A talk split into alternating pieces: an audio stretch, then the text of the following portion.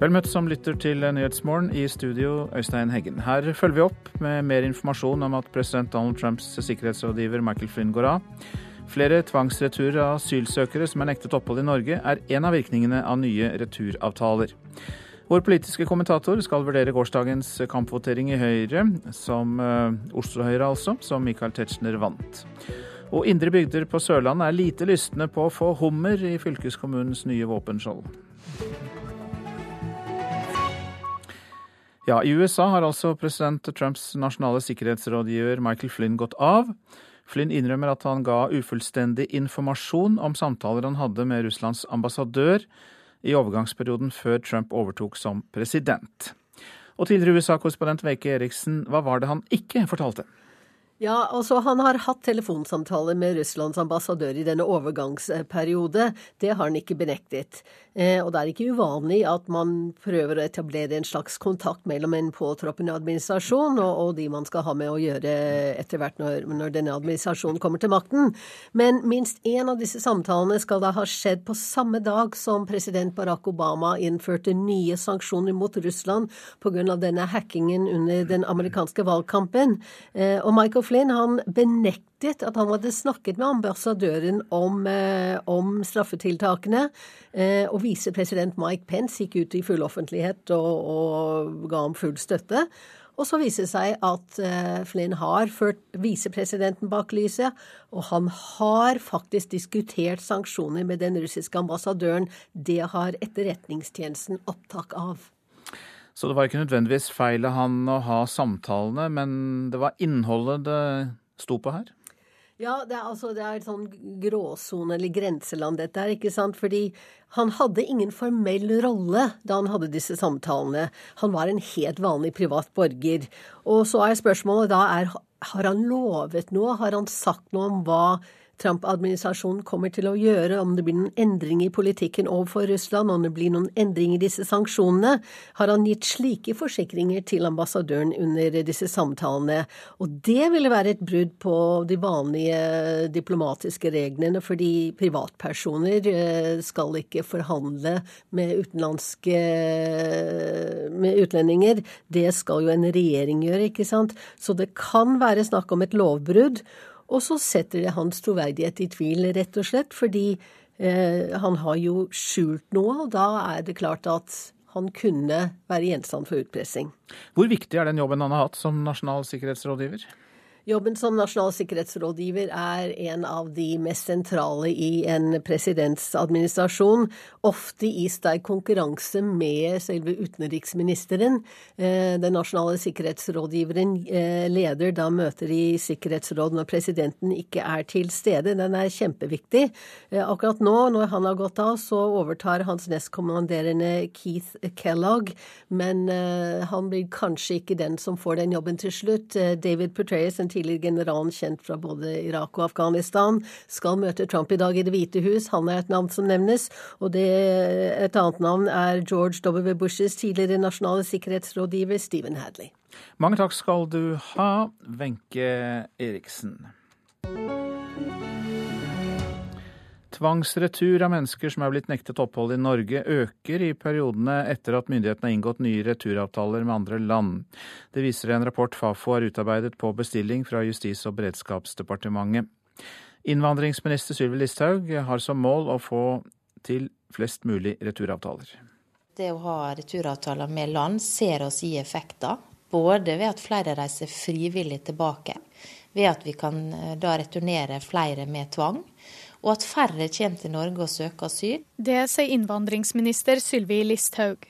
Over dobbelt så mange ble tvangsreturnert i periodene etter at Norge inngikk returavtale med et nytt land, viser en ny rapport fra Fafo. Vi ser en økning i antallet tvangsreturer i årene etter at avtalen er inngått.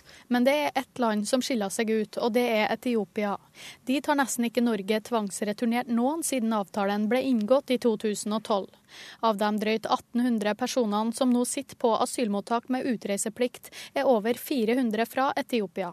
Det viser at returavtalen i seg sjøl ikke er løsninga, sier Fafo-forsker Silje Sønsterud Bråten. Altså det flere har påpekt, er jo at Eh, Etiopia kanskje inngikk denne avtalen primært for å bedre det bilaterale samarbeidet med Norge.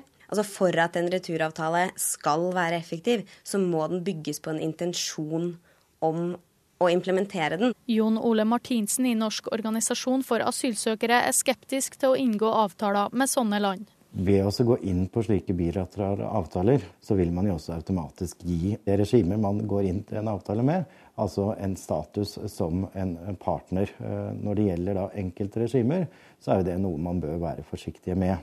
Flere hundre av dem med utreiseplikt kommer fra land Norge ikke har returavtale med, som f.eks. Somalia, Iran og Eritrea.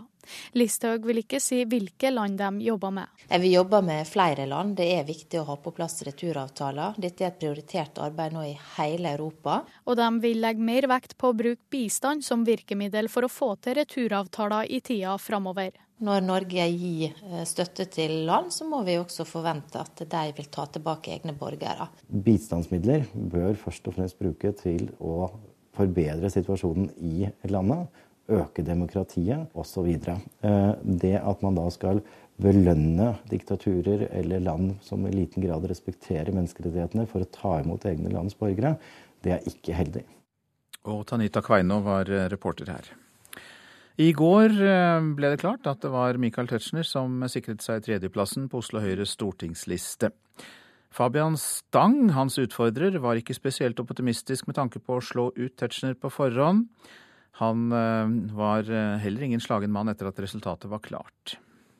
Ja, det, er, det, var eh, ikke sviende, da. Jeg føler meg ikke brent. Men jeg føler meg i og for seg litt letta. Mikael vant, og det gratulerer jeg med.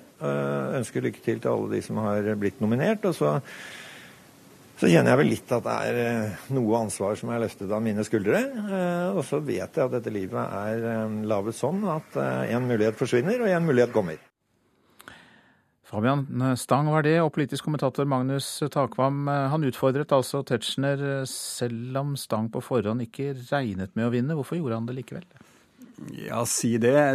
Det Fabian Stang har uttalt selv om dette, er at han eh, følte at han måtte stille på vegne av alle de som støttet ham f.eks. i denne urnominasjonen som Oslo Høyre arrangerte, der han fikk eh, vel 900 stemmer og var nummer tre av de, av de som, eh, som, stiller opp til, til valget. Eh, men valgkampen og valgtalen hans eh, hadde, som du sier, et preg av å være defensiv og liksom mangle tro på at han vant. Så eh, jeg følte at han ikke sto løpet helt ut, og egentlig trodde innerst inne at han kom til, til å vinne. Men så var det altså en uravstemning, som du sier. Men likevel så øh, var det nominasjonskomiteen som fikk det avgjørende ord før dette nominasjonsmøtet. Og der havnet han jo såpass langt ned som åttendeplass, var det vel? Ja, det er klart det er eh, trangt om plassen også i eh, Oslo Høyre.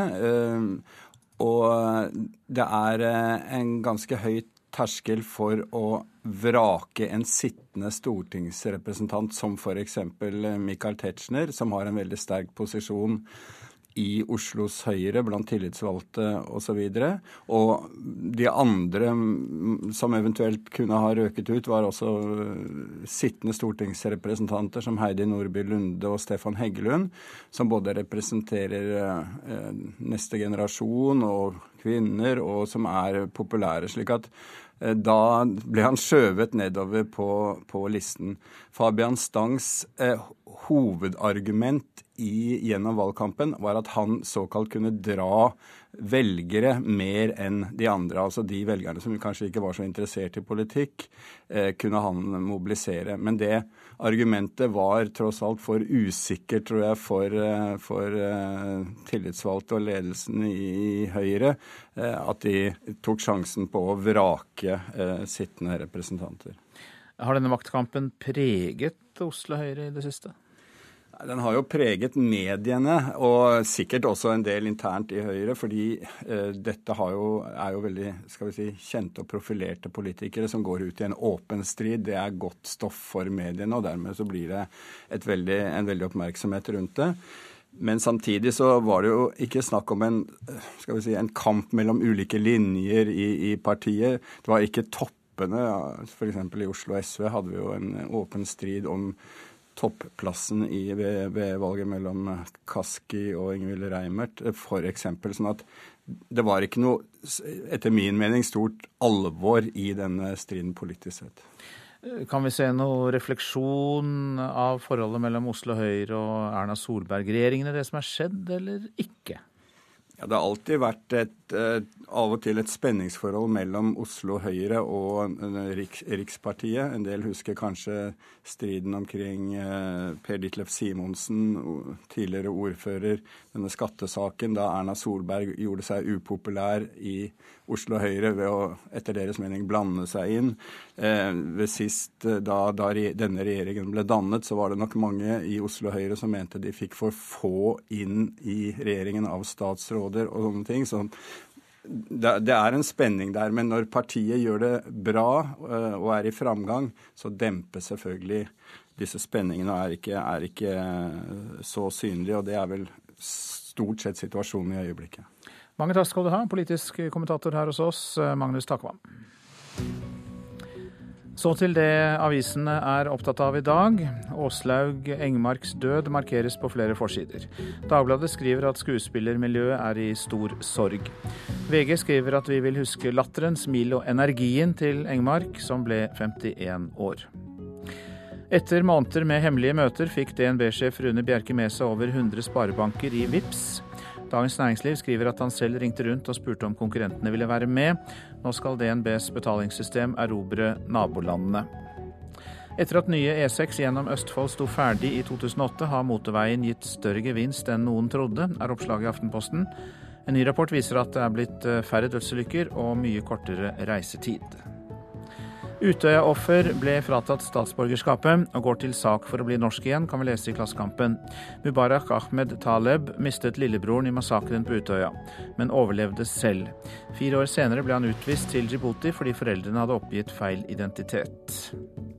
Bærum islamskole la ut en lenke på sin Facebook-side om hvordan foreldre kan disiplinere barna sine med oppdragervold, forteller Vårt Land. Nei, det er ikke skolens policy, og lenken den er fjernet, sier daglig leder av skolen, Imran Mustak. 60 norske organisasjoner vil ha mer bistandspenger fra regjeringen til informasjon om og støtte til abort, skriver Dagsavisen. Etter at Donald Trump stoppet bevilgninger til abortinformasjon i utviklingsland, mangler det 600 millioner euro. Drivstoff kan bli sju kroner dyrere per liter i Tromsø og komme opp mot 23 kroner literen, skriver Nordlys. Veidirektoratet vurderer å foreslå for bystyret en videreføring og økning av dagens lokale avgift, istedenfor å innføre bompenger. Pengene skal gå til veier, kollektivtrafikk, sykkel- og gangstier. Sykkel-VM vil stoppe all trafikk i ti dager, kan vi lese i Bergens Tidende. Bydelene Sandviken, Fjellsiden, Vågsbunnen og Kalfaret blir helt stengt for biler under VM fra 16. til 24. september. Kaster ut melkeroboten. Nasjonen forteller om melkebonde Kine Kollerud i Modum i Buskerud, som går tilbake til manuell håndtering av melkemaskinene etter ni år med robottrøbbel. Problemet med melkeroboten var så store at familien i perioder spiste og sov i fjøset, og rigget seg til med sofa og TV. I dag kjøres eh, lagkonkurransen i alpin-VM, som altså er med både kvinner og menn på laget. Sportssjef Klaus Ryste mener Norge på kvinnesiden stiller med sitt beste lag på mange år. Men han vil ikke si så mye om medaljesjansene. Altså Alex og Leif er virkelig bra, ja. så på guttesida tror jeg vi kan slå fra oss. Det sier sportssjef Klaus Ryste om alpinguttas sjanser i dagens lagkonkurranse, hvor Alexander Aamodt Kilde og Leif Christian Haugen stiller. På kvinnesiden stiller ikke Nina Løseth, som har problemer med korsryggen, men sportssjefen mener fortsatt vi i dag stiller med et av de beste lagene vi har hatt på mange år på kvinnesiden. På jentesida så, så, er det klart at med Nina som viser en tredjeplass i, i, i Stockholm, så kunne liksom forventningene bli skru ordentlig helt opp. Uh, de er gode, disse andre jentene med, men uh, det er litt teamevent. Det er jo dagen, innsats, Litt stang inn, løyper du får, you name it. da. Men uh, jeg tror vi stiller et av de beste lagene vi har gjort uh, på mange, mange år. Til tross for det sterke laget vil han ikke si mye når han får spørsmål om medaljesjansene. Ja, vi, vi må, vi, Sånne superkjedelige svar. Vi må komme oss videre Vi har ikke gjort det så mye før. Da, ikke sant? Så Reporter Ida Høydalen, og så minner vi om at du kan se denne lagkonkurransen på NRK1 og høre den på DAB-kanalen NRK Sport fra klokka tolv. Nå er klokka 6.48. Dette er hovedsaker. I USA har president Trumps nasjonale sikkerhetsrådgiver Michael Flynn gått av. Flynn innrømmer at han ga ufullstendig informasjon om samtaler han hadde med Russlands ambassadør. Flere migranter som er nektet opphold i Norge, sendes ut av landet etter at nye returavtaler er blitt inngått mellom Norge og mottakerland. Det viser en Fafo-rapport. Og indre bygder på Sørlandet er lite lystne på å få en hummer i fylkeskommunens nye våpenskjold. Mer om det snart. Folkehelseinstituttet mener at hepatitt C, som stort sett rammer rusavhengige, kan utryddes i Norge i løpet av få år. Men i regjeringens strategiplan mot hepatittsykdommer ble dette målet fjernet. Et forslag om å lage en handlingsplan mot sykdommen blir eh, trolig nedstemt i Stortinget i dag. Den sprøyten det besto av tre tabletter to ganger daglig. Og så en sprøyte som gjorde sånn. Tok her, da ta en sjøl. Eh, den ble dårligere. Så den tok jeg hver fredag. Snorre er en av mange på Strakshuset i Bergen med en hepatitthistorie. Han fikk behandling i tide. Jeg ble kvitt men det var ikke 100% sikkerhet på å bli kvitt den. Hepatitt C er en virussykdom som kan gi alvorlige leverskader, og i verste fall død hvis den ikke blir behandlet. Trolig har rundt 25 000 mennesker i Norge viruset. De aller fleste er nåværende eller tidligere rusmisbrukere. Deling av brukte sprøyter er den viktigste smittekilden. Geir har vært sprøytenarkoman hele sitt voksne liv. Han føler seg heldig som aldri har fått hepatitt C. Nå fikk jeg litt blod på meg ute da, av en kompis. Det første jeg gjør, det er å spørre har du noe. Men heldigvis er sårene mine dekket. Hadde jeg vært åpen nå, så kunne jeg fått det. Jeg hadde fått det. Jeg hadde aldri akseptert en lignende behandling hvis det hadde vært en annen pasientgruppe. Stortingsrepresentant Kjersti Toppe fra Senterpartiet foreslår en handlingsplan for å bekjempe hepatitt C. Målet er null nye smittetilfeller og null dødsfall innen 2025. Forslaget ble avvist av et knapt flertall i helse- og omsorgskomiteen, i dag skal saken debatteres i Stortinget. Vi skulle og må gjøre mer, eh, og eh, vi har ikke en god nok eh, strategi på det fra helsemyndighetenes side. Vi lager ikke planer, egne nasjonale planer for hver eneste diagnose som finnes. For da ville vi hatt vanvittig mye planer. Kari Kjønaas Kjos fra Fremskrittspartiet leder helse- og omsorgskomiteen på Stortinget. Regjeringen lanserte en strategi for å bekjempe hepatittsykdommer for et halvt år siden.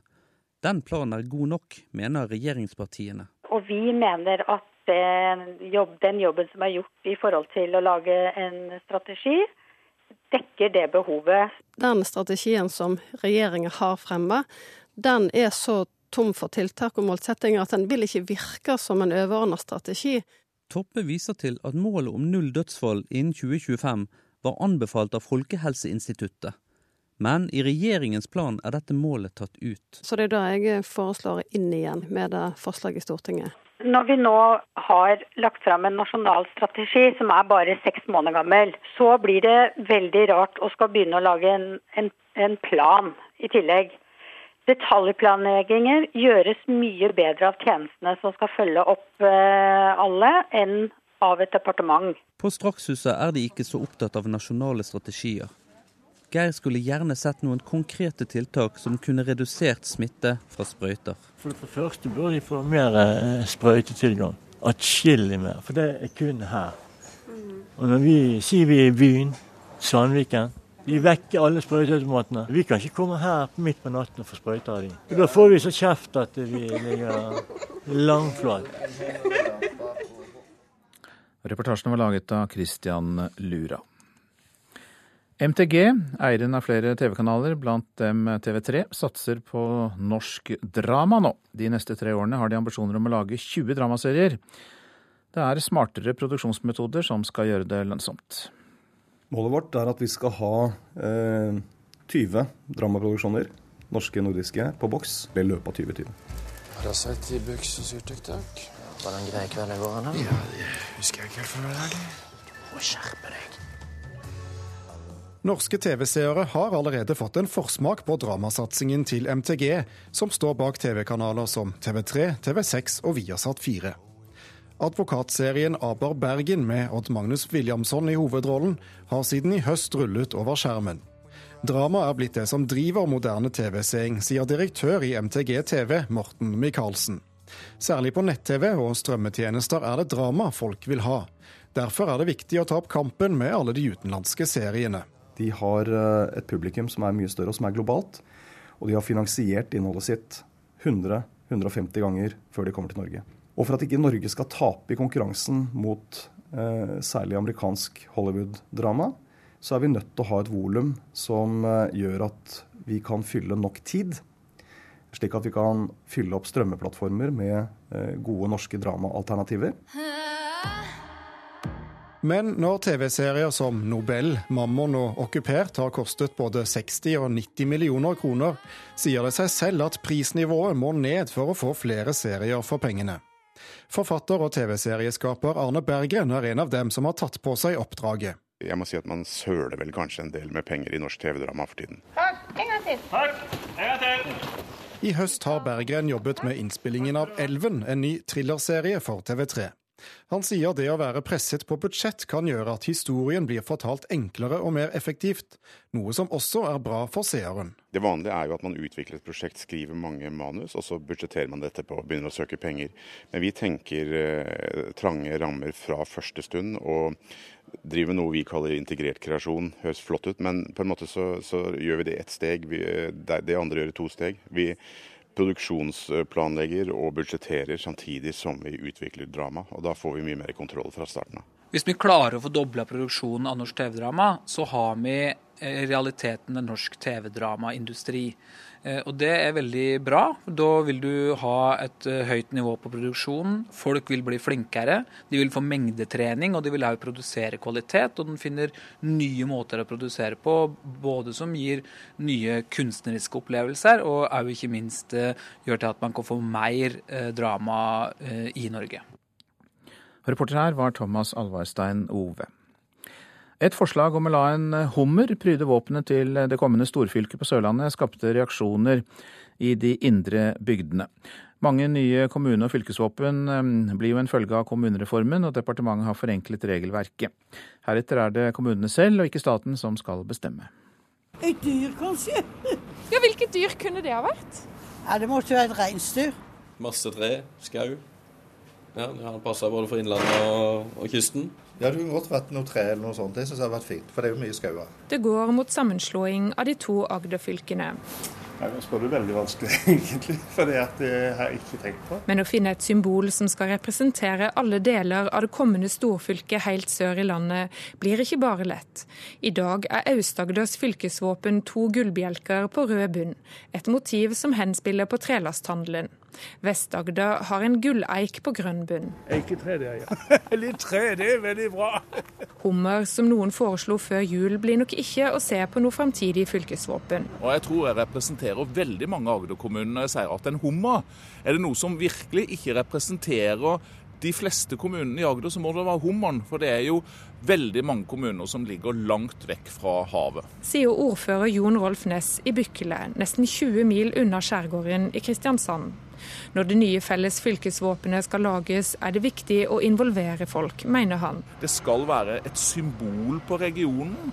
Eh, og alle, hvor eh, enn man bor i denne regionen, så skal man liksom føle at det våpenet det har en bitte liten flik av sin egen kulturarv. Og det er klart det er vanskelig, og det er krevende å finne frem til et godt fylkesvåpen når man har en, en region med så stort mangfold. Når eh, kommuner eller fylker går sammen og skal bygge en eh, ny kommune eller en ny region, eh, så er utarbeidelse av eh, kommunevåpen et viktig tiltak for kulturbygging og identitets sykehusbygging. Sier kommunal- og moderniseringsminister Jan Tore Sanner, som nå foreslår en forenkling av regelverket.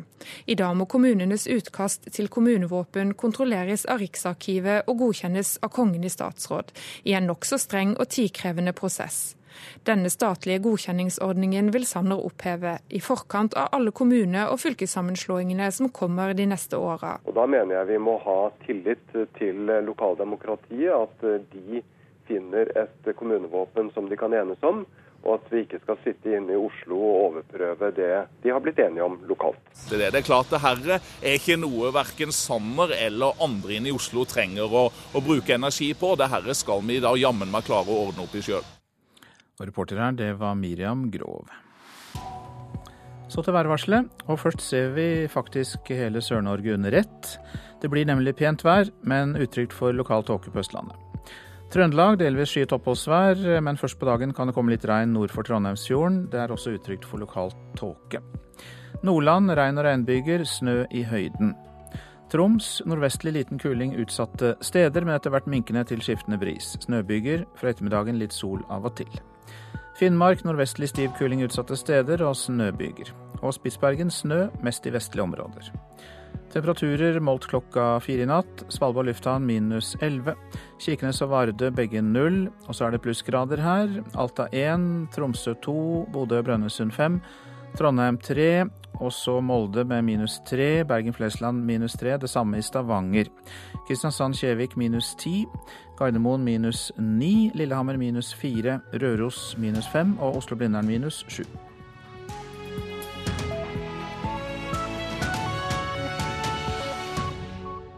NRK P2.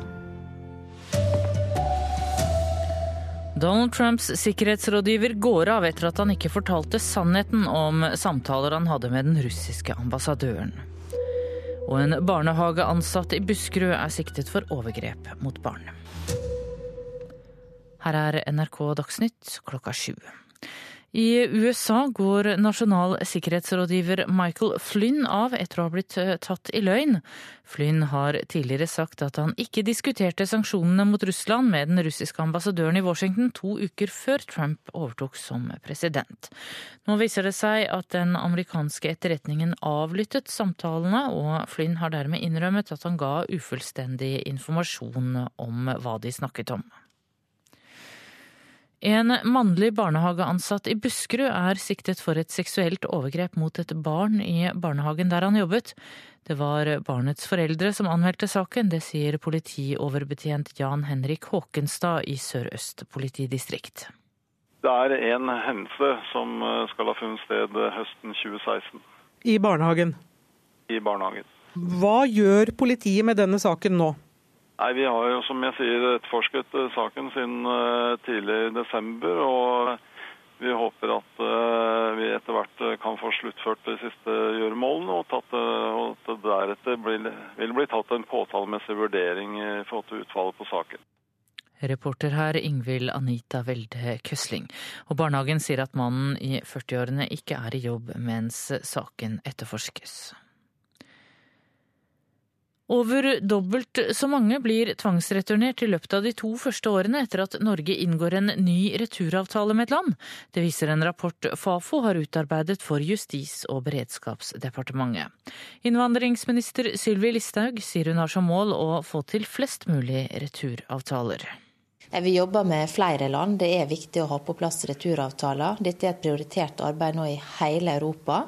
Fordi at man så etter at det kom så mange asylsøkere i 2015 at det er helt vesentlig å få sendt tilbake de som får avslag. Der er Norge et av landene som ligger i front. Det er jeg veldig glad for. Men vi kan ikke hvile på laurbæret, og derfor jobber vi jevnt og trutt med å få til enda bedre retursystem. Et nytt nettsted tilbyr legetime via videooverføring på nett. Dette er et tilbud til skoleelever som trenger legeerklæring for fravær etter at det ble innført nye fraværsregler i den videregående skolen. Noen unge allmennleger har valgt å gå nye veier og tilbyr konsultasjon via Skype, skriver Klassekampen. For 250 kroner får eleven snakke med en lege, og hvis legen er enig i at eleven er for syk til å gå på skolen, får eleven en legeerklæring digitalt. NRK Dagsnytt, Tone Nordahl.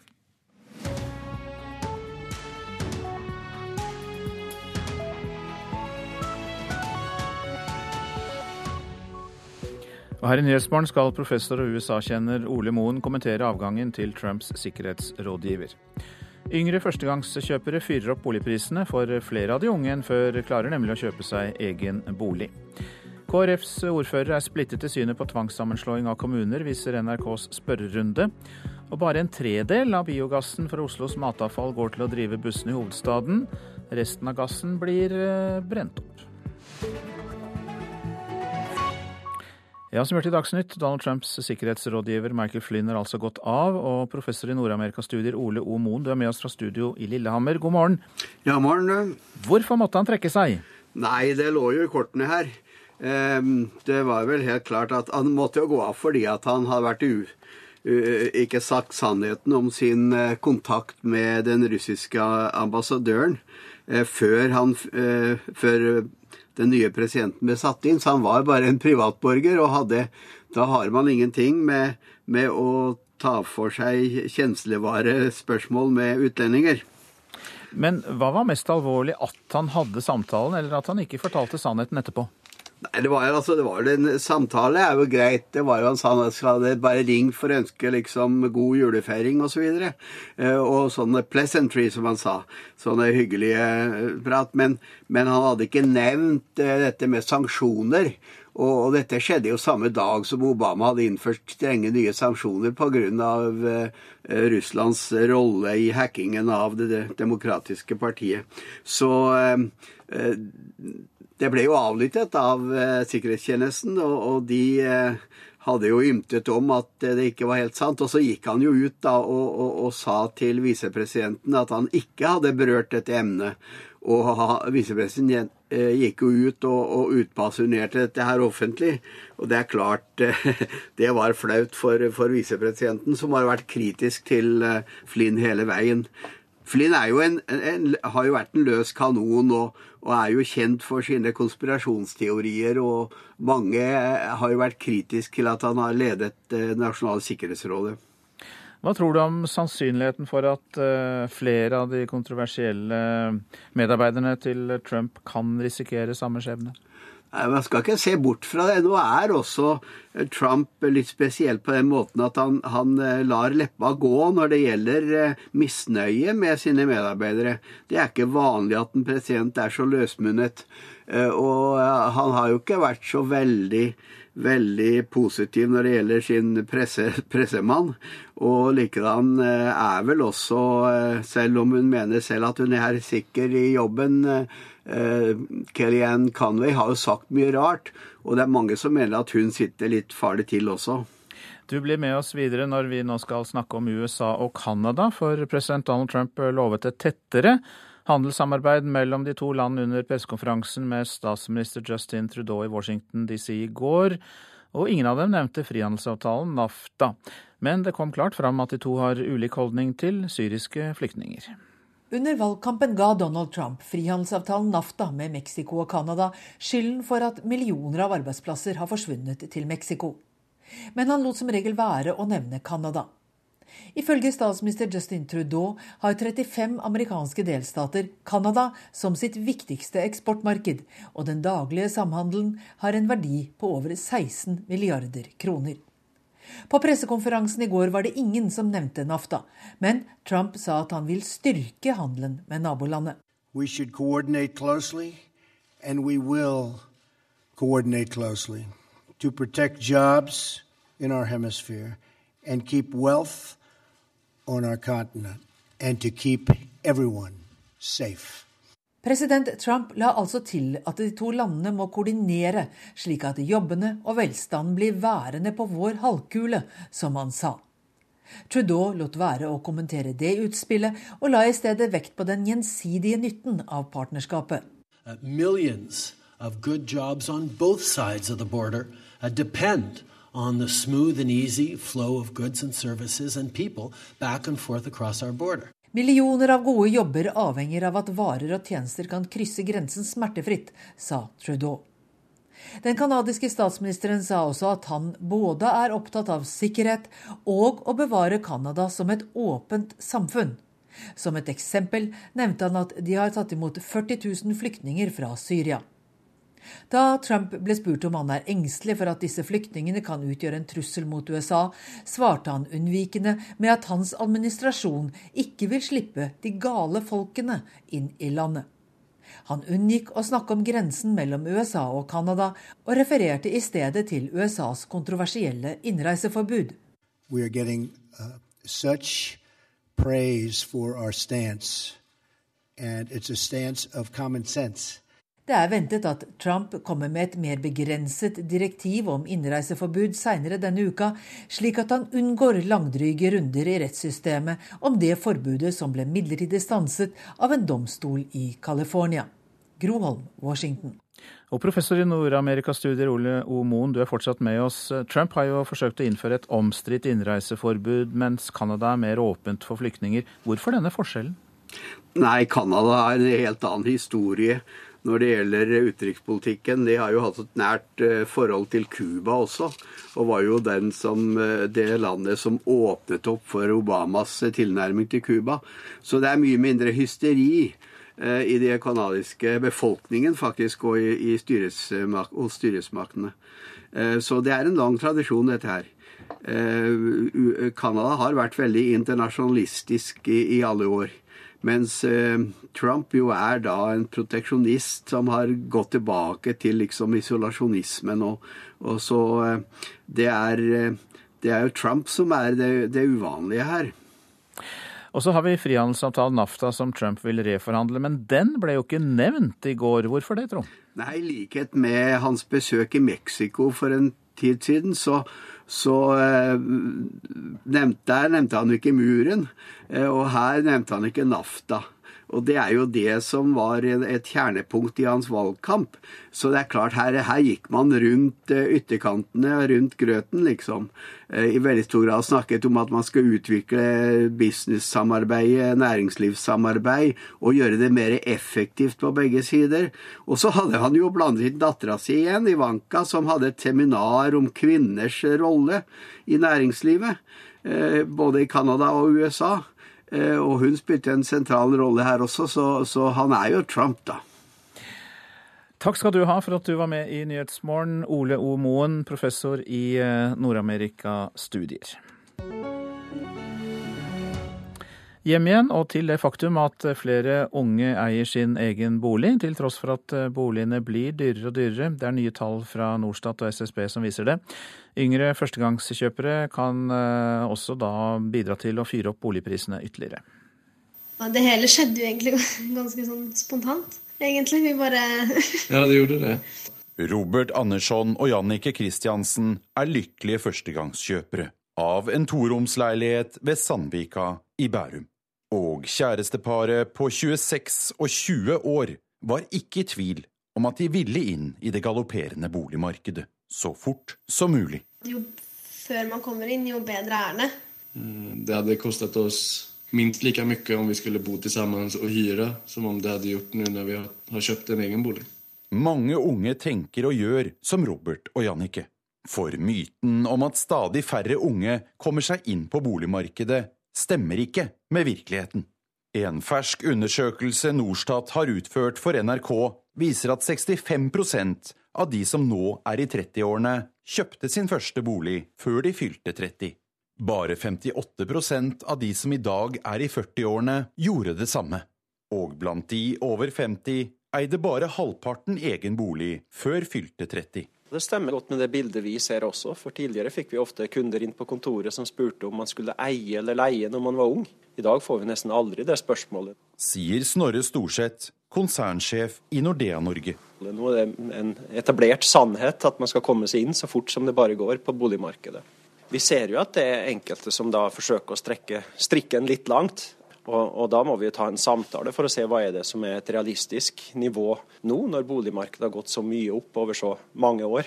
Tall fra Storebrand og SSB viser også samme entydige tendens. Andelen boligeiere mellom 25 og 30 år har økt med 10 prosentpoeng det siste tiåret. En årsak er at med stigende boligpriser er det lettere å få lån i banken enn når boligprisene faller. I tillegg kan foreldre med store og økende papirverdier garantere for stadig større lånebeløp. Vi ser jo at flere får hjelp av sine foreldre. Verdien har jo økt på papiret også for foreldrene, og det gjør at de kan stille, stille mer sikkerhet. Men moderlig og faderlig bolighjelp er også et paradoks. Resultatet blir en boligprisspiral, påpeker økonomiprofessor Steinar Holden ved Universitetet i Oslo. Det er jo med på å øke boligetterspørselen, og det er jo med på å, å bidra til at boligprisene stiger. Sånn at boligprisene stiger, det gjør det vanskeligere for de eh, som ikke får eh, hjelp av sine foreldre, som ikke har den muligheten. Og nå har ytterligere to unge blitt en del av boligprisstatistikken. Foreldrene ble avgjørende, også for paret i Bærum. Det hadde ikke gått uten hjelp fra de. Vi hadde jo klart å spare opp en del selv også, men det var langt fra nok. Reporter var Sindre Heirdal. Kan vi ønske Kim Astrup velkommen? Takk for det. Forsker ved Norsk institutt for by- og regionforskning. Og hva kan være grunnen da, til at unge blir, er blitt enda mer opptatt av å eie bolig? Ja, Det er jo ingen tvil om at uh, dagens uh, lave rentenivå er en, en viktig faktor. Um, og så er det jo generelt også lagt opp til at det skal være økonomisk gunstig å eie Norge. Det er en rekke skattesubsidier som hjelper på det regnestykket. Eh, og ikke minst, eh, som en tilleggsmoment, så, så, er det viktig å trekke frem også utsiktene til fortsatt verdiøkning er også en viktig del her. Mm. Eh, hvis den ikke hadde vært der, så hadde nok folk vært mer nølende til å gå inn. Men kombinasjonen lave renter og utsikt til fortsatt vekst er nok en viktig faktorer for at mange nå ønsker å komme inn på markedet mm. så fort som mulig. Ja, denne jakten på å eie selv, eh, hvordan påvirker den uh, boligprisene? Eh, ja. Eh, det er jo viktig bare å ha klart at den statistikken som det ble referert til her, er kanskje ikke så paradoksal hvis man, hvis man tenker etter. Altså det faktum at boligprisene er høye, og at de er stigende, det i seg selv er jo en eh, indikator på at de unge kommer inn. Hvis, hvis, hvis de de unge ikke hadde kommet inn, så hadde vi ikke hatt en høy boligprisvekst.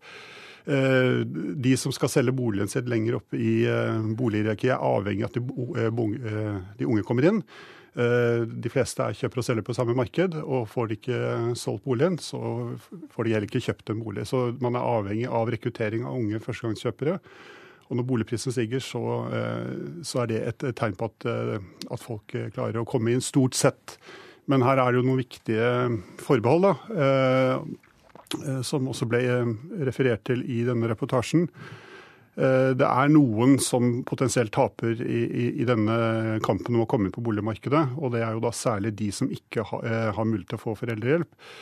Det kan være boligkjøpere med innvandrerbakgrunn, det kan være folk som kommer fra Som har foreldre plassert i bolig, mer distriktsboligmarkedet, hvor boligprisene ikke er høye, og at eh, sånn sett da ikke de kan få den drahjelpen eh, gjennom foreldrene av den grunn.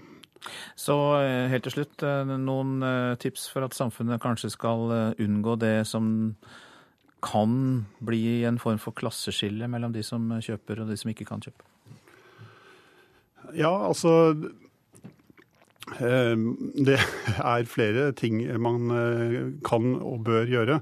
Eh, for det første så er denne eh, Det at man ikke har låneordninger for de som ikke har mulighet for foreldrehjelp.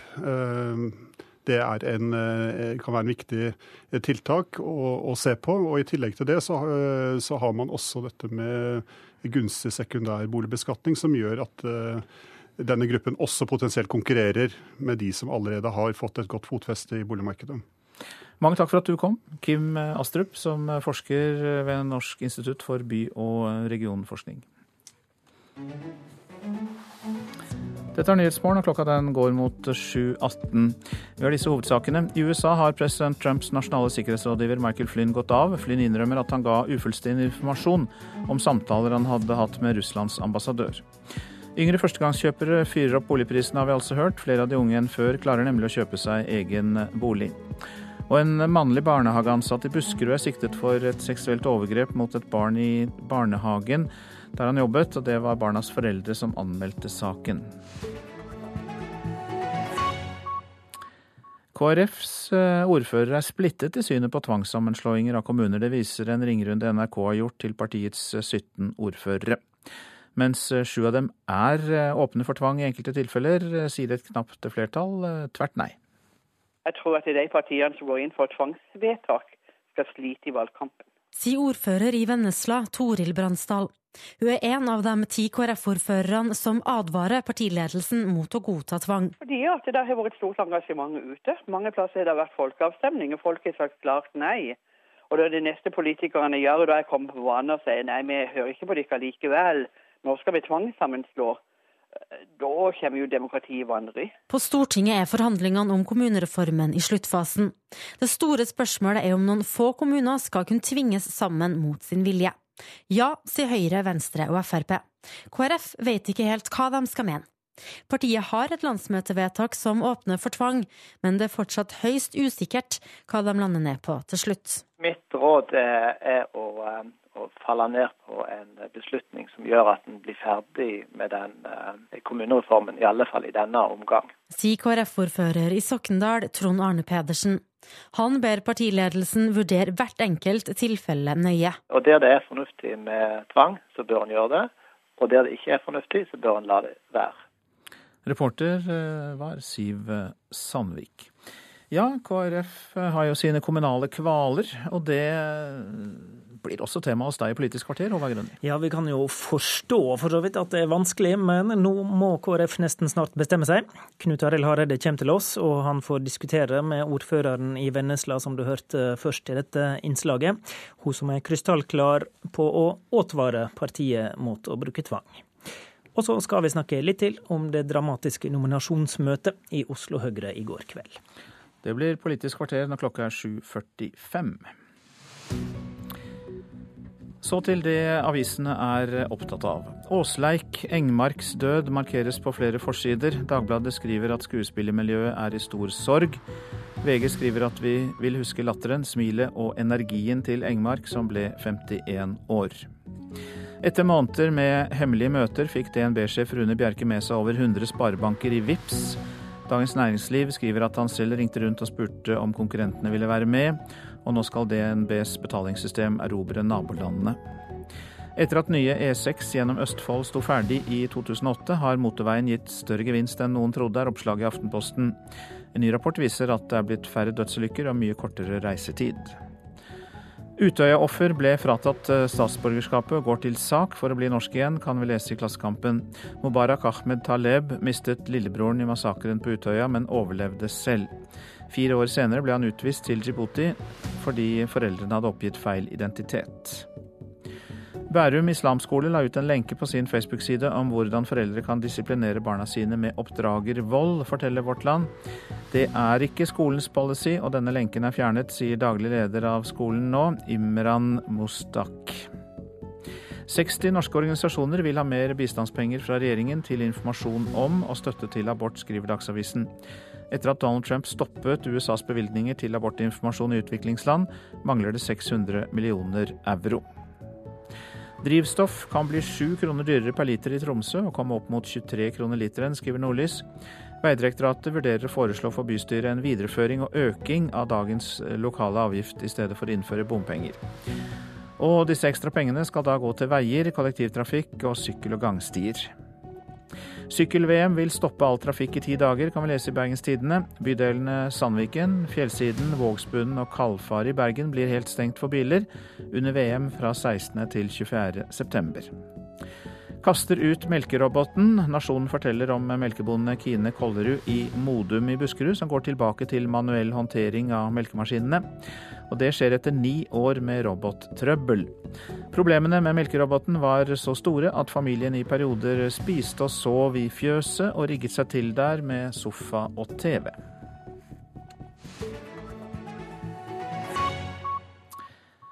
Det meste av biogassen som er laget av Oslos matavfall de siste fire årene, er blitt brent opp. Under en tredel av gassen har blitt til drivstoff på bussene. Innkjøringsproblemer ved biogassanlegget i Nes er en av forklaringene. Kildesorterer du søppel? Ja. Hva brukes matavfallet til? Eh, bio til busser, f.eks.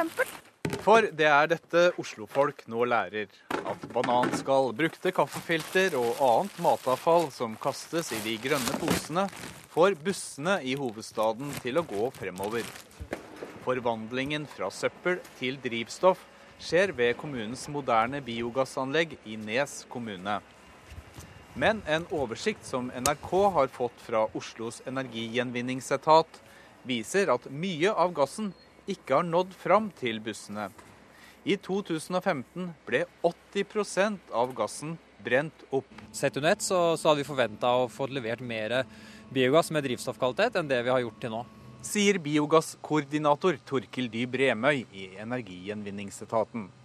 Tall som NRK har fått fra etaten, viser at det siden åpningen i 2013 er produsert 5,5 millioner kubikkmeter biometan ved anlegget. Under en tredel har endt som drivstoff, mens noe over halvparten har blitt brent eller faklet. Gassen som er brent, tilsvarer rundt 3 millioner liter diesel. Årsaken er bl.a. innkjøringsproblemer. At vi har tatt i bruk en god del ny teknologi som har vært eh, krevende å kjøre inn, og mer krevende enn det vi hadde sett for oss. Da Fylkesmannen i fjor fikk rapport om hvor mye av gassen ved Romerike biogassanlegg som bare brennes opp, truet de Energigjenvinningsetaten med tvangsmulkt. Det sier seksjonsleder Kari Skogen. Det, det vi oppdaget når de da fakler 80 brenner opp, rett og slett, så er det klart at det er ikke intensjonen. Mens nå så har de jo da allerede i august 2016 så har de jo da sendt oss informasjon om at de nå kun fakler 30% Så det er jo en veldig forbedring. For nå skal en større andel av matavfallet bli til miljøvennlig drivstoff, lover Energigjenvinningsetaten, som håper husholdningene ikke mister trua. Å lage gass er ellers bare én av grunnene til at kildesortering lønner seg, sier Remøy. Når du kildesorterer matavfall, så får du også eh, utnytta det matavfallet som biogjødsel til slutt. Og det er en nesten like stor klimanytte av å erstatte kunstgjødsel i landbruket ved å, da, eh, ved å bruke biogjødsel til det. Reportere var Nina Didriksen og Dag Åsdalen. Skoleball kan bli en dyr affære for mange, og for enkelte kan den bli altfor dyr. Og det har de gjort noe med i Eidskog i Hedmark. Her har jeg en blå ballkjole som var til salgs for 300 kroner. Jeg tror den kosta rundt 1000 kroner ny. Emma Julie Wilsberg og Kristine Skjellhaugen ser på de fine ballkjolene som henger bakerst i klasserommet på Eidskog ungdomsskole. De fleste kjolene er bare blitt brukt én gang, og selges nå for en billig penge. Det er mye lettere å kjøpe en kjole til 300 kroner. Da. Det er ganske billig, i stedet for å gå på nettet og finne en kjole som koster 2000. Da. Det er veldig forskjell. Målet er at alle som vil skal få seg festklær til skoleballet uten at det skal koste for mye. Her er det også klær til gutta. De som har noen festklær i skapet som ikke lenger er i bruk, har blitt oppfordret til å levere dem på skolen for salg, lån eller bytte. Målet er at skoleballet ikke skal koste så mye. Så De siste åra har vi da mm, gjort det sånn at skolen legger til rette for at uh, skolemålet gjennomføres til en billigere penge da, uh, for den enkelte. Sånn at uh, det er 50 kroner inngangsbillett, men at det blir litt forpliktende. Det sier Nils Johansen, som er rektor ved Eidskog ungdomsskole. Og så er det da, har FAU satt i gang kjole- og dressbyttedager, hvor man da kan kjøpe brukte kjoler, dresser, klær, sko osv. til en veldig billig penge. For noen år siden tok skoleballet helt av, og mange av elevene brukte tusenvis av kroner. Det er mye som hører med til ball, og nå gjøres det på billigst mulig måte. Nå kommer elever fra frisørlinja på Skarnes videregående skole for å sette opp hår og klippe noen timer før ballet, og elever fra medielinja ved Sentrum videregående skole skal stå for de offisielle ballbildene. Elever, foreldre og skolen har nå gått sammen for at det ikke skal være så dyrt å dra på ball. Mye av forberedelsene er også lagt inn i undervisninga. Særlig dans, da, som er både i kroppsøvning og, og musikken. Nå danser vi. Bugg, polka og linedance. Vi må ha noen danser til ballet, vet du. Hvis du er gutt, vet du, så må du danse, ellers får du ikke drag på jentene. Nei, det er litt sånn, er det ikke Det er det. Så til slutt så blir du god, for at da har du øvd nok. Ungdomsskoleelevene Simen Jansrud og Paul Granheim har de siste ukene danset både i musikktimene og i gymtimene. Dansetrinnene må sitte til torsdag, for da er det skoleball. Selvfølgelig blir vi klare. Alltid klare. I kjolerommet driver Emma, Julie og Kristine fortsatt. De vet hva de skal ha på seg på ballet. Jeg skal ha på meg en eh, rosa kjole som går eh, helt ned til bakken og har mye puff ut fra hofta, med masse glitter. Du da? Eh, Jeg skal ha en vannmelonrosa farge, eller kjole, som er lang og har masse perler. Og reporter var Ann Kristin Mo. De lytter til Nyhetsmorgen. Produsent i dag Vidar Eidhammer, og her i studio Øystein Heggen. I reportasjen etter Dagsnytt skal vi høre om Russlands økte aktivitet i nordområdene, som ikke har vært så omfattende siden sovjettiden. Og intern uenighet i KrF og om tvang er rette virkemiddel til å samle kommuner, det er altså et av temaene i Politisk kvarter kvart på åtte. NRK P2.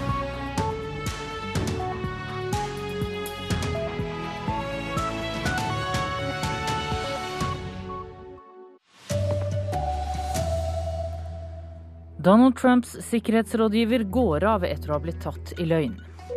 Flere unge her i landet eier egen bolig, og det gjør at prisene stiger.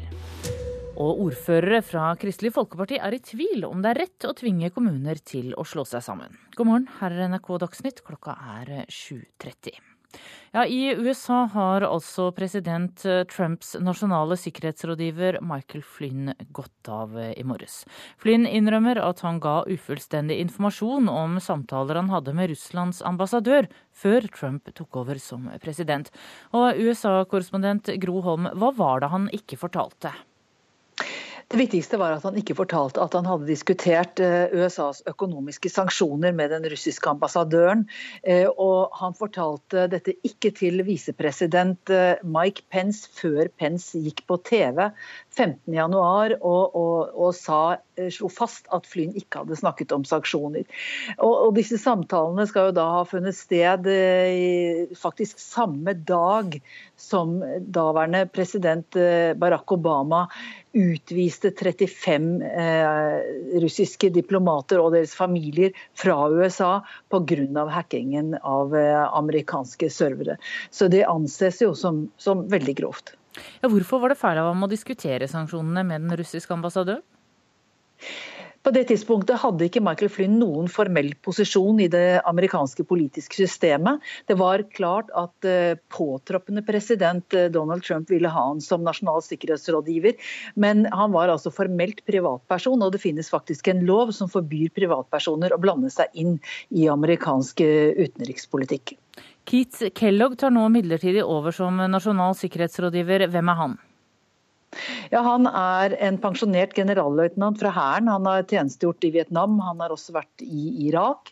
Og nå i det siste har han vært stabssjef for Det nasjonale sikkerhetsrådet, altså underordnet Michael Flynn, men innenfor det samme systemet i Det hvite hus.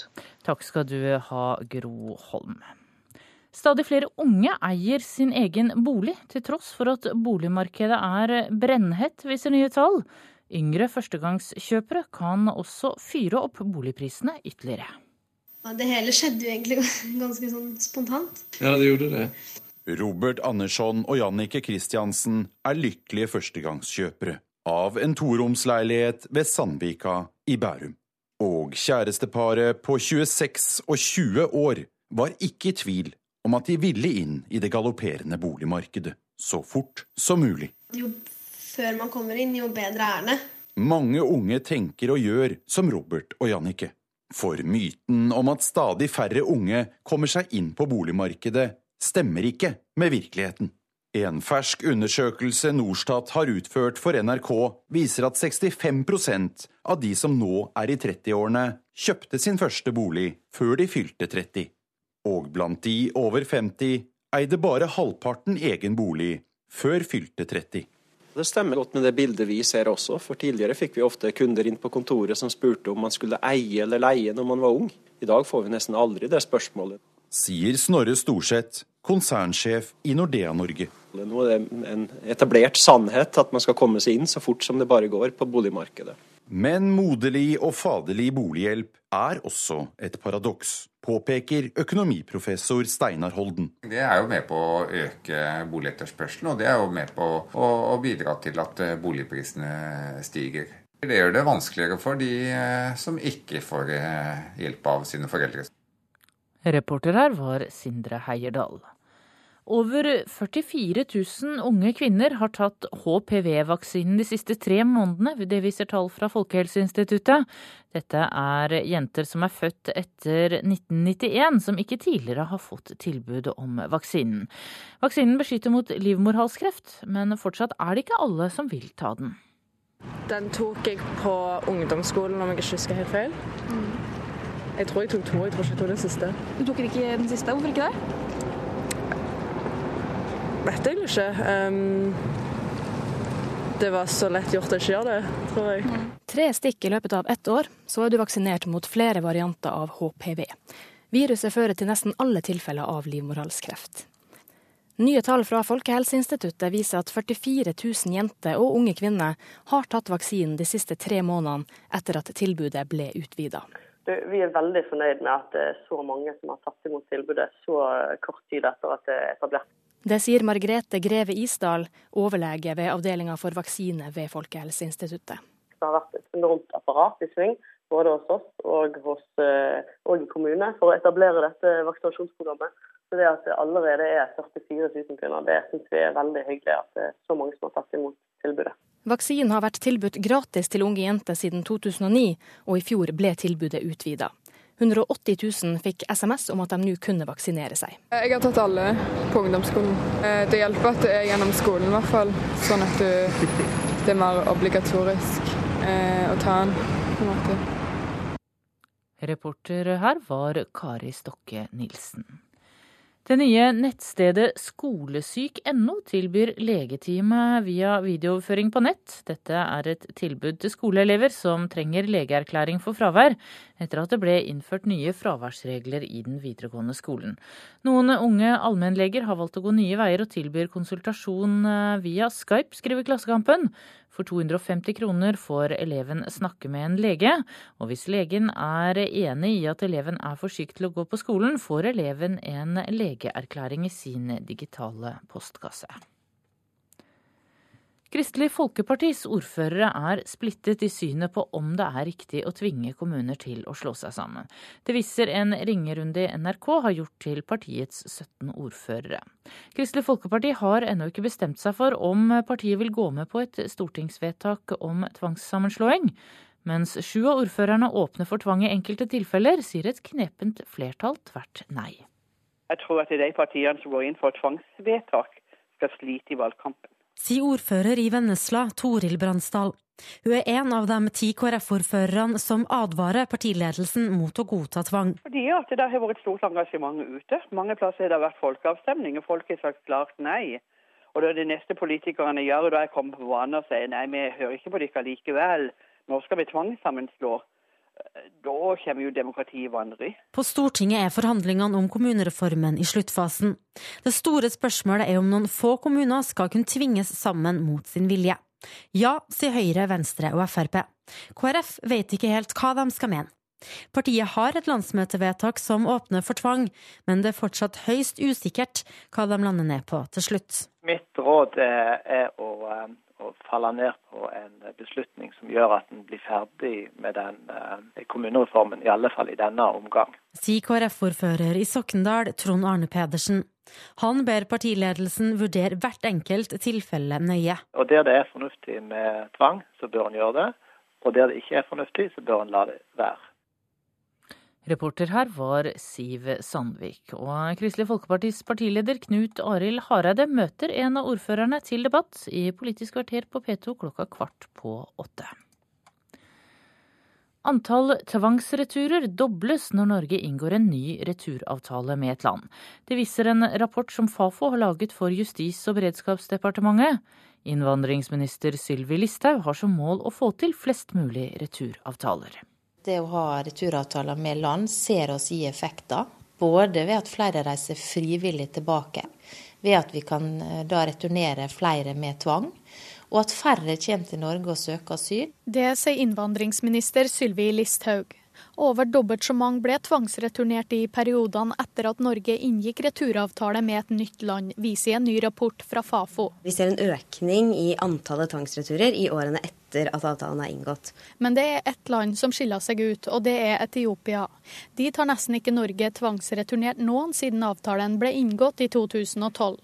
Av de drøyt 1800 personene som nå sitter på asylmottak med utreiseplikt, er over 400 fra Etiopia.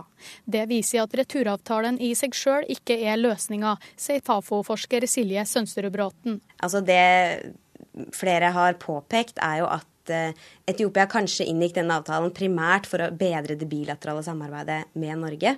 Altså For at en returavtale skal være effektiv, så må den bygges på en intensjon om å implementere den. Jon Ole Martinsen i Norsk organisasjon for asylsøkere er skeptisk til å inngå avtaler med sånne land. Ved å gå inn på slike bilaterale avtaler, så vil man jo også automatisk gi det regimet man går inn til en avtale med, altså en status som en partner. Eh, når det gjelder da enkelte regimer, så er jo det noe man bør være forsiktige med.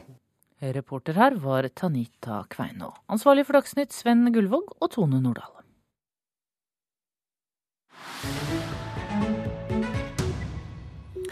Og dette er eh, Nyhetsmorgen. Russland har ikke vært så aktiv i nordområdene siden sovjettiden. Landet har rustet opp de siste årene, ikke minst med nye generasjoner av ubåter og jagerfly.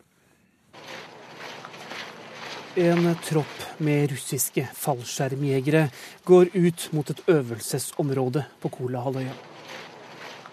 De er utstyrt for arktisk krigføring med hvite kamuflasjetrekk, varme klær, truger og annet vinterutstyr. Dette er spesialister. Styrken skal komme seg inn i et fiendtlig område, drepe motstanderne og ta over kontrollen. Det skal skje uten at de som angripes, rekker å gjøre særlig med motstand. Fallskjermjegerne har også tyngre støtte. Panserstyrker trent, særlig på vinterkrig. De tunge stridsvognene er dekorert med isbjørner. Ingen skal være i tvil om hva slags avdeling dette er arktiske krigere.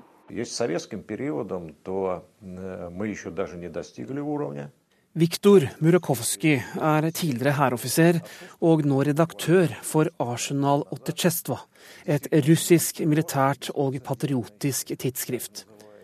Han mener den militære opprustningen og dominansen i nord tyder på at Russland er på vei inn i en ny storhetstid. Vi er ikke helt der vi var i sovjettiden når det gjelder nordområdene, men vi er på vei, forteller Murakovskij.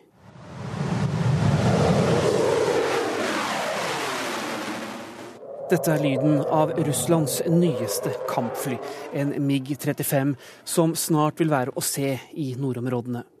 Russerne viser gjerne frem det de har å by på.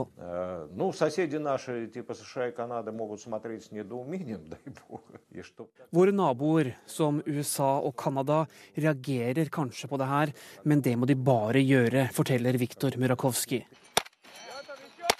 Tilbake til Kola-halvøya. Den russiske etterretningstjenesten trener også her oppe på arktisk krigføring. Med polarhunder, reinsdyr og sleder beveger de seg frem og tilbake i det iskalde viddelandskapet. Det er ute i havområdene at russerne for alvor viser at de er tilbake i nord. Ved kaianleggene i Murmansk er det hektisk aktivitet. Noen skal på øvelser, andre ut på patrulje i Barentshavet eller Nord-Atlanteren. Gigantiske undervannsbåter glir gjennom de trange fjordarmene og ut mot havområdene. Der ute kan de ligge i flere uker. De observerer, kartlegger, overvåker. Ubåtene går lenger vestover enn før, og under vann er de nærmest stillegående og stadig vanskeligere å oppdage for Natos ubåtjegere. Det er viktig for oss, det er viktig for Russland å være her, forteller Viktor Murakovsky. Dette handler om tilgang og kontroll med sjøtrafikken gjennom Nordøstpassasjen, men også tilgang og kontroll over naturressursene her. Etter endt oppdrag kommer undervannsbåtene fra den russiske Nordflåten tilbake til sine baser på Kolahalvøya. Mannskapet får permisjon. Det blir hvile og vedlikehold før de drar ut igjen ut til havområdene for å vise sin tilstedeværelse. Vise at de har kontrollen. Vise at Russland igjen er blitt en militær supermakt. Reporter Eirik Veum. Hovedsaker i nyhetene. I USA har president Trumps nasjonale sikkerhetsrådgiver Michael Flynn gått av. Flynn innrømmer at han ga ufullstendig informasjon om samtaler han hadde med Russlands ambassadør. Yngre førstegangskjøpere fyrer opp boligprisene. Flere unge enn før klarer å kjøpe seg bolig, viser tall fra Norstat og SSB. Over 44 000 unge kvinner har tatt HPV-vaksinen de siste tre månedene, viser tall fra Folkehelseinstituttet. Jenter født etter 1991 har fått tilbudet, og vaksinen beskytter mot livmorhalskreft. Flere migranter som er nektet opphold i Norge, sendes ut av landet etter at nye returavtaler er blitt inngått mellom Norge og mottakerland. Det viser en Fafo-rapport. Så Politisk kvarter nå, ved Håvard Grønli.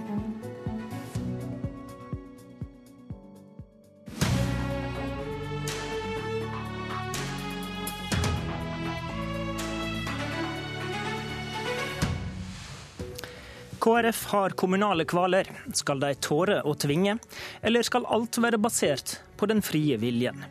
Ordførerne har ulike råd til partiledelsen.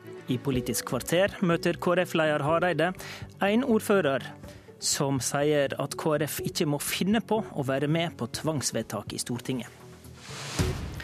Velkommen til Politisk kvarter, der vi også skal snakke mer om at det ble avskalling på stortingslista under det dramatiske nominasjonsmøtet i Oslo Høyre i går kveld. Som du har hørt i radioen din allerede denne morgenen, KrFs ordførere er splitta i synet på om partiet bør være med på å tvinge gjennom kommunesammenslåinger. Fortsatt blir det forhandla på Stortinget om det skal bli gjennomført rundt ti tvangssammenslåinger. Men KrF har det vondt, og har fortsatt ikke bestemt seg. God morgen, Toril Bransdal, ordfører i Vennesla. God morgen. Du er en av de virkelige lokaldemokrativeteranene i KrF med ordførerpost siden 1999. Hva er ditt råd til partiledelsen når det gjelder kommunereformen? Mitt råd er i dag, sånn som det har vært hele tida, at utgangspunktet for denne reformen det var frivillighet. Det var spillereglene, og da følger vi spillereglene, og da følger vi dem helt ut. Hvorfor er tvang så uaktuelt? Fordi at det, det var ikke premissene for reformen. Da måtte du ha hatt en prosess der du hadde skissert opp ganske tydelig hvilke spilleregler det var, og hvilke forutsetninger du hadde, og òg ha med den siste bolken.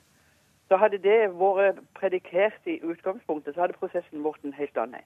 Og Du sier faktisk i innslaget, som noen sikkert har hørt tidligere i dag, at demokratiet kan bli satt i vanry om, eh, om eh, partiet ditt går med på tvang. Det var jo voldsomme ord. Ja, og jeg står for de ordene. Og det er ikke bare partiet mitt, men det er det politiske miljøet.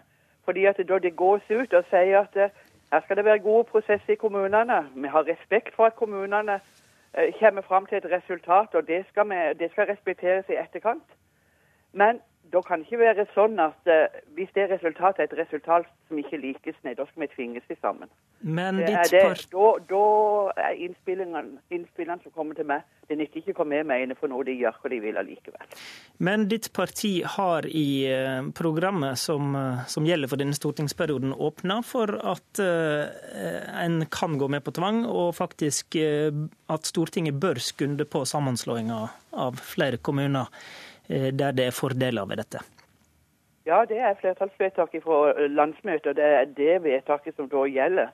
Men min oppfordring til partiledelsen blir likevel at hvilke kriterier skal du sette for tvang?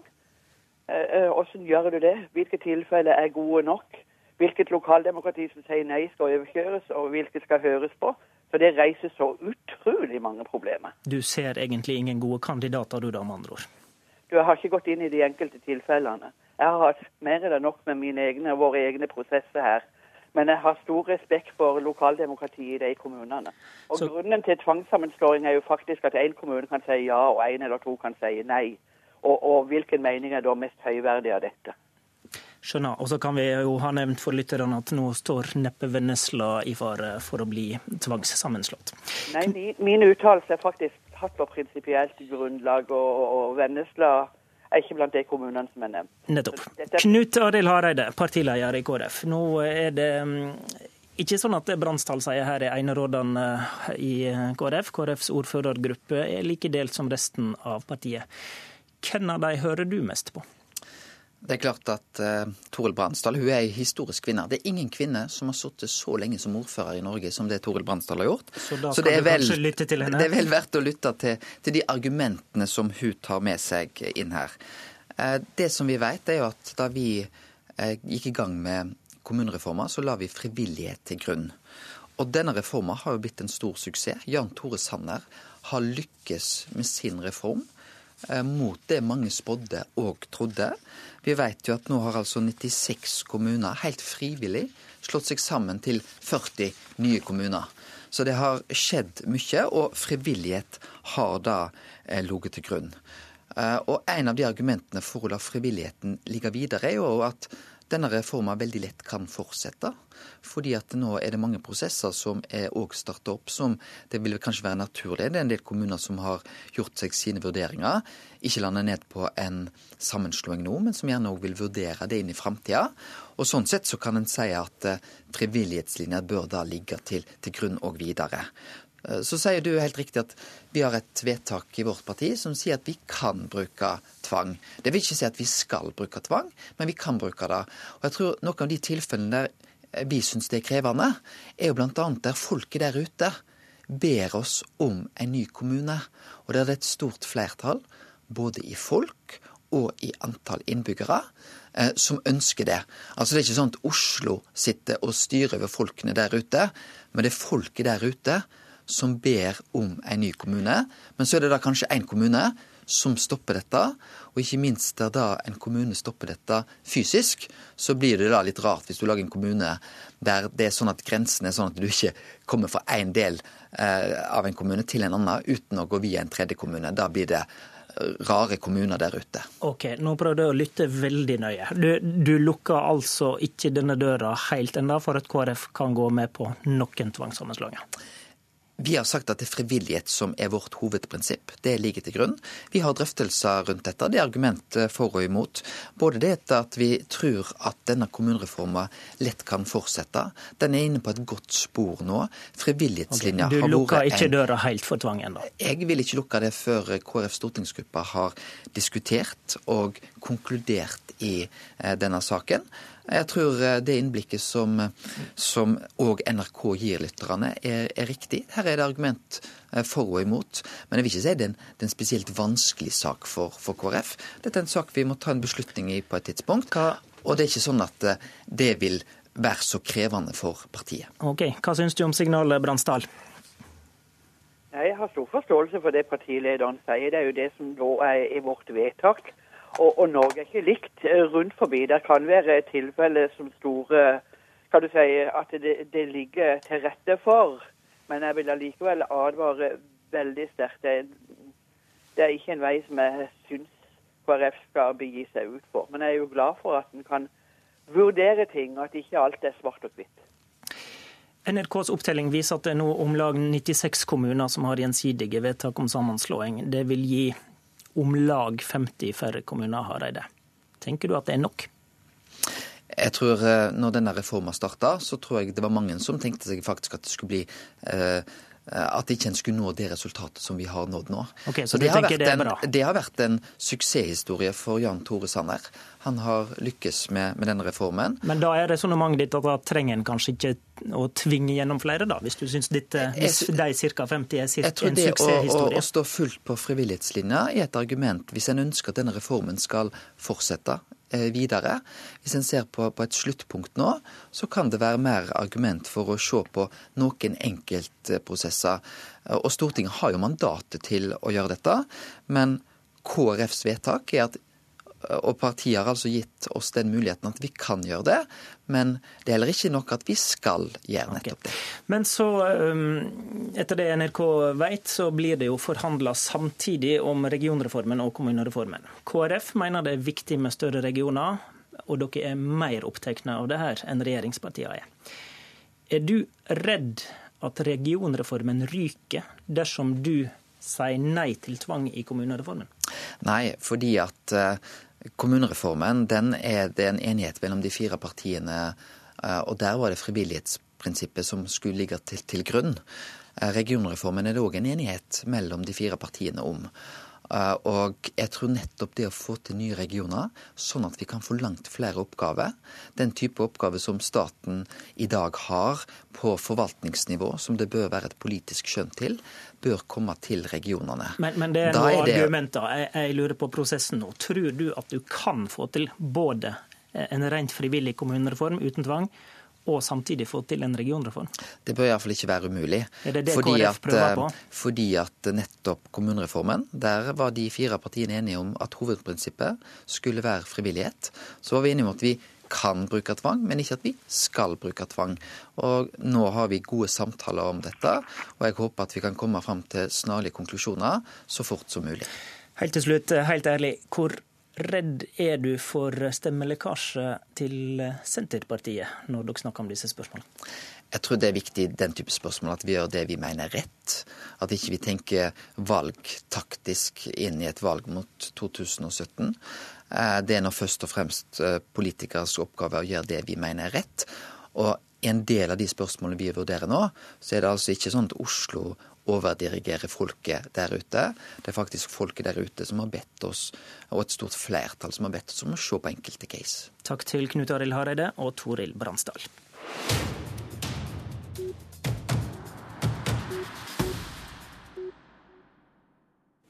Oslo Høyre holdt i går det nominasjonsmøtet der det har vært knytt størst spenning til utfallet. Eks-ordfører Fabian Stang var en av de som var spent før avstemninga, der han utfordra stortingskandidat Michael Tetzschner. Kjære gode venner av Høyres politikk. Denne dagen har jeg virkelig gledet meg til. I hvert fall til at den snart er over. Resultatet av møtet ble både favorittsigerer og avskalling på lista. Etter at han tapte, trakk nemlig Stang seg fra plassen han kunne fått litt lenger ned. Og det verka som han hadde forstått at sjansene var små før møtelyden starta å røyste. Her er et lite knippe med mer av det Stang sa fra talerstolen. Jeg har ikke bedt noen om å holde noen tale for meg. Og det er heller ikke så mange som har meldt seg, for å være ærlig. Noen har beskrevet meg som lett. Politisk lett. Altså, Badevekten er helt uenig. bare så det er... Eh. Men politisk lett. Og Tom Sverre var innom noe av det samme. At jeg hadde appell til de dumme velgerne og sånt noe. De med bare følelser. Mine damer og herrer. Det er vanlige mennesker vi snakker om. Vanlige mennesker som er medium interessert i politikk, men som avgjør om vi kommer i regjering eller ikke.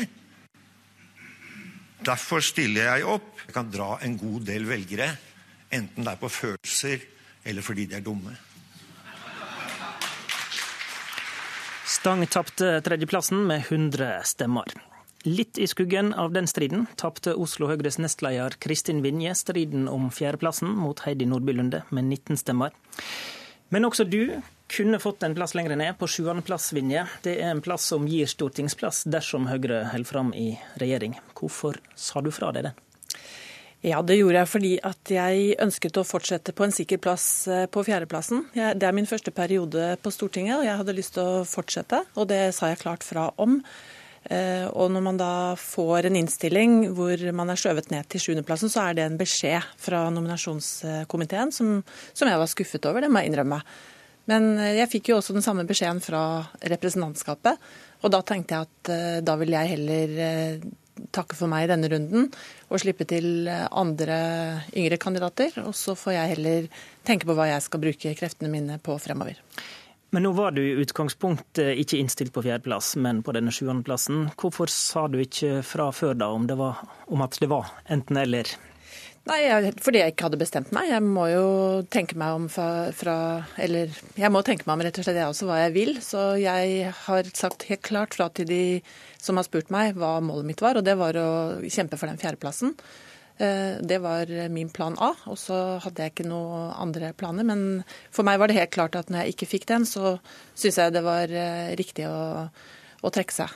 Og tenke seg om å heller eh, ja, tenke fremover og se hva annet jeg kan bruke kreftene mine på. Du har vært møtende på Stortinget siden 2009, og du snakka om eh, når vi på forhånd her, at du ikke syns dette er så god ressursforvaltning. Hva mener du? Nei, jeg syns kanskje én eh, periode er litt kort, og jeg hadde lyst til å fortsette. Og, og, det må jo også, når man rekrutterer folk, så må man også tenke litt langsiktig. Og jeg syns kanskje ikke det var eh, den beste strategien, men det er nå min mening. Og i denne bransjen så er man avhengig av tillit og avhengig av hva hva bakkemannskapet vil. Eh, og det har jeg full respekt for. Og jeg selv har jo vært eh, ti år nå i politikken og hatt fantastisk mange flotte muligheter og verv. og og jeg er ingen bitter kandidat. Jeg, er absolutt, eh, jeg respekterer absolutt det som har skjedd. Og jeg ser fremover og skal gjøre mitt aller beste for at Høyre skal vinne valget til høsten uansett. Det var forskjellen på å være bitter og skuffa? ja, absolutt. Jeg er, jeg er, skuffet personlig, men sånn er politikken, og det visste jeg absolutt da jeg gikk inn. Og, og jeg er ingen slagen kvinne. Takk til deg, Kristin Vinje. I studio i Politisk kvarter i dag, Håvard Grønli. Hør flere podkaster på nrk.no podkast.